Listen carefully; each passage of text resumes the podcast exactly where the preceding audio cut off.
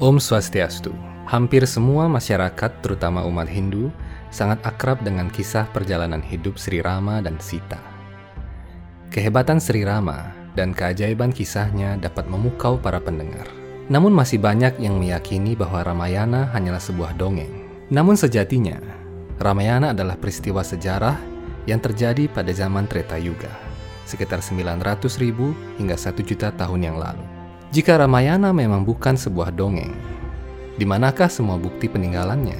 Salah satu peninggalan yang dapat kita lihat adalah jembatan Sri Rama yang menghubungkan bagian selatan India dan Sri Lanka. Benarkah sebuah jembatan raksasa dapat dibuat pada zaman yang sangat lampau? Semuanya akan terjawab dalam episode Hindu Times kali ini. Video ini dibuat dengan proses yang cukup panjang dan dari sumber-sumber yang keabsahannya dapat dipertanggungjawabkan. Kami mengundang Anda untuk mengklik tombol like dan subscribe, sebab setiap like dan subscribe yang Anda berikan akan memperluas jangkauan video-video Hindu Times dalam menyebarkan kabar Dharma. Anda juga dapat berpartisipasi dengan cara mengajukan pertanyaan lewat kolom komentar atau official Instagram kami. Pertanyaan terpilih akan terjawab dalam episode podcast Hindu Times.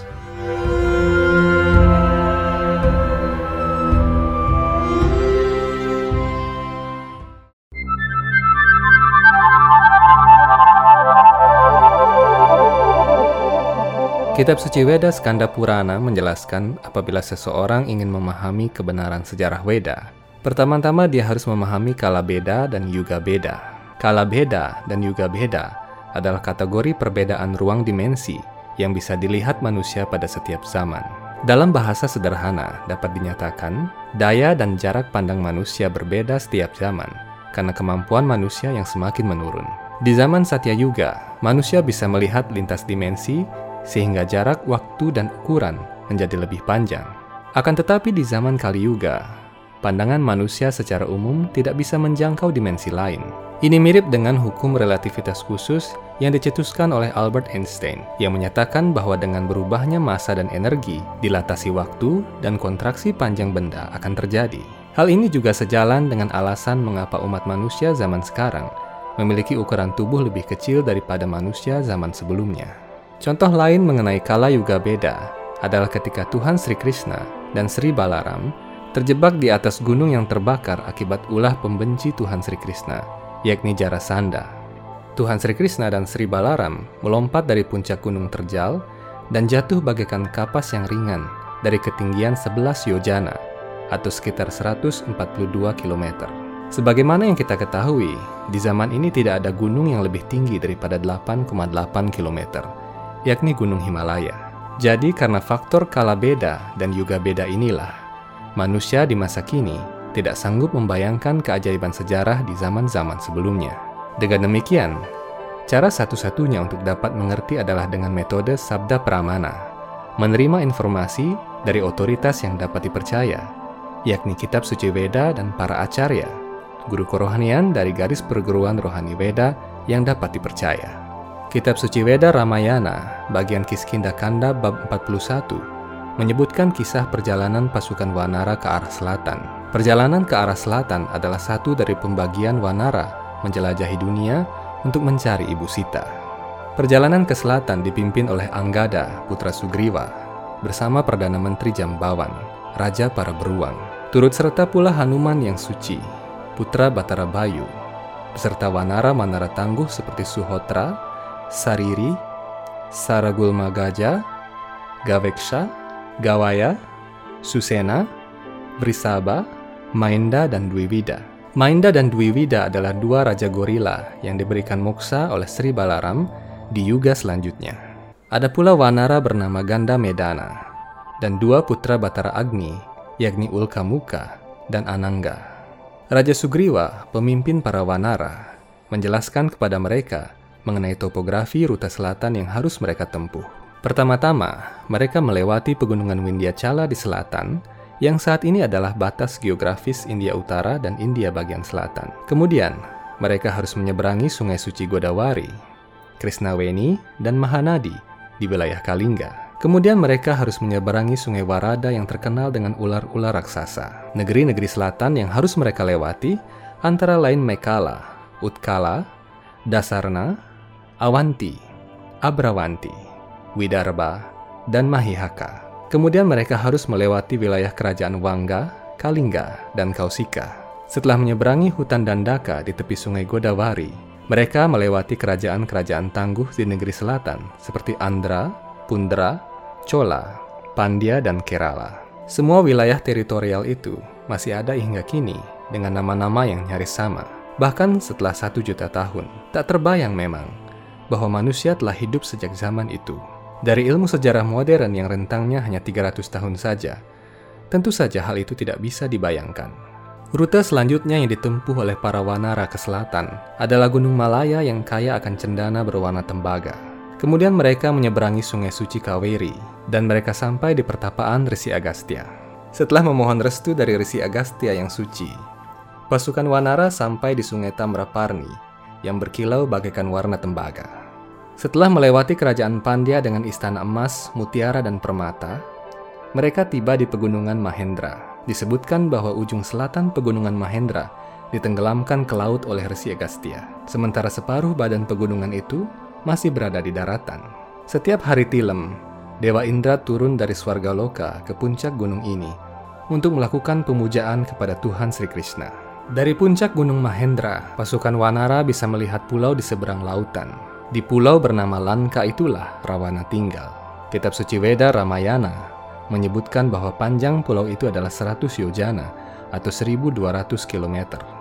Sedikit lebih panjang daripada pulau Jawa. Padahal, pulau Sri Lanka kini panjangnya hanya setengah Jawa. Inilah perbedaan yang disebabkan oleh kala yuga beda. Bukti lain pengaruh faktor kala yuga beda adalah jarak pandang para wanara. Para wanara dapat melihat pulau Sri Lanka yang jauhnya 100 yojana atau sekitar 1200 km di seberang lautan. Sementara itu, manusia zaman ini bahkan tidak bisa melihat pulau Kalimantan dari pantai utara Jawa, walaupun jaraknya rata-rata sama. Inilah bukti dari kitab suci Weda bahwa kemampuan manusia masa kini jauh sekali merosot daripada di zaman sebelumnya. Tatkala mengetahui bahwa Ibu Sita ada di Lanka melalui Hanuman sebagai mata-mata, pasukan Wanara kembali ke Kiskinda, mengabari Sri Rama dan bersiap menyerbu Lanka. Tatkala armada Wanara yang jumlahnya jutaan kera itu tiba di pantai selatan India, Sri Rama meminta Dewa Waruna, penguasa lautan, untuk memberi izin membangun jembatan. Pembangunan jembatan melintasi samudra itu dijelaskan dalam Weda Ramayana, bagian Yuda Kanda, bab 22. Nama jembatan yang disebutkan sesuai dengan Weda Ramayana adalah Nala Setu, karena dibangun oleh Nala. Jembatan itu juga dinamakan Rama Setu karena dibuat untuk Tuhan Sri Rama. Kini jembatan itu lebih dikenal dengan nama Setu Banda. Karena sejarawan modern tidak bisa memperkirakan tahun dibuatnya jembatan ini dan tidak menelusuri sejarahnya, maka beberapa dari mereka menyebut jembatan ini sebagai jembatan Adam.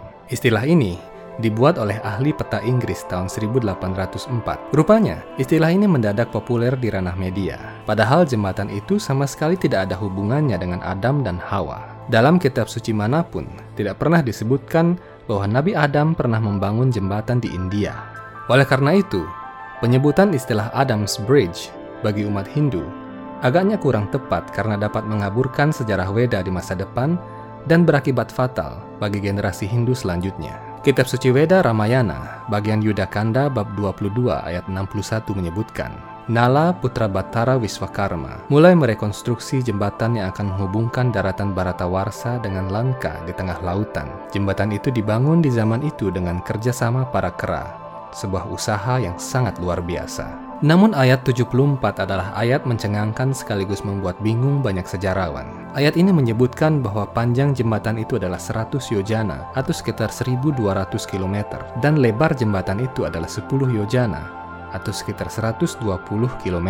Di sisi lain, ayat yang mengejutkan ini memancing kontroversi. Dalam kenyataannya, jarak antara pantai Rameswaram di ujung selatan India dan pantai Manar di Sri Lanka tempat ujung jembatan itu berada hanyalah 48 mil atau 77 km.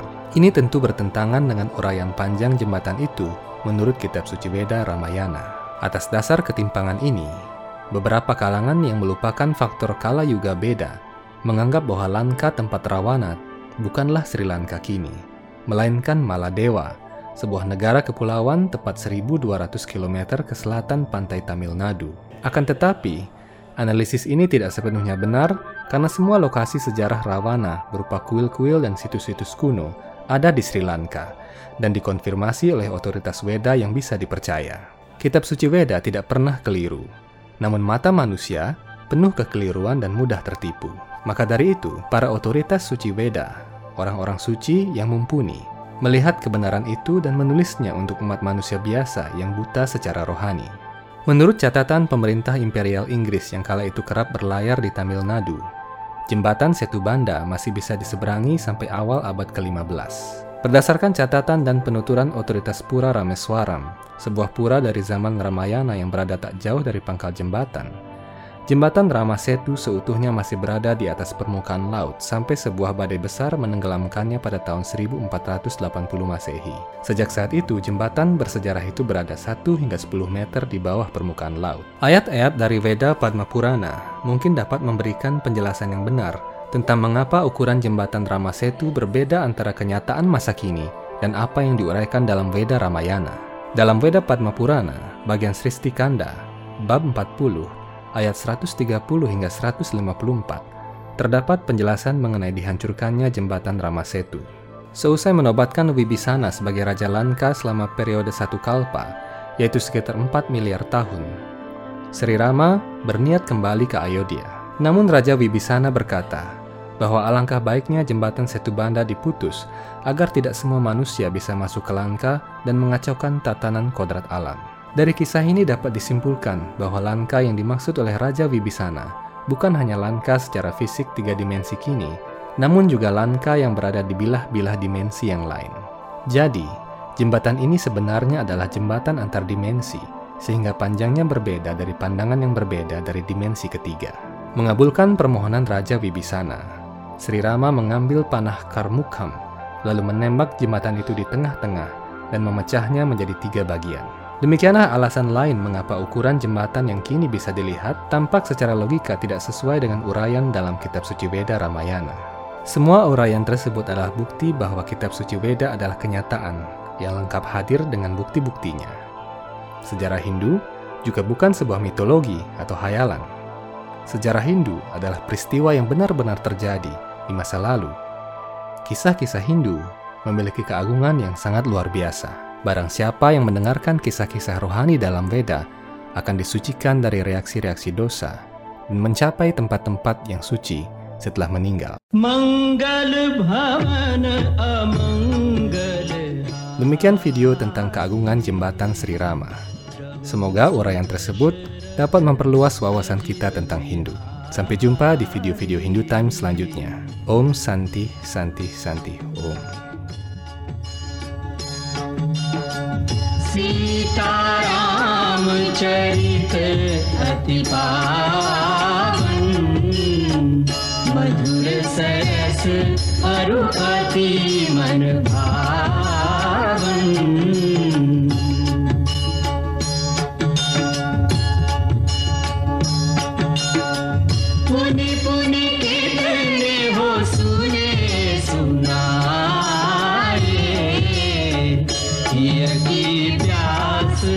बुझत न बुझाए।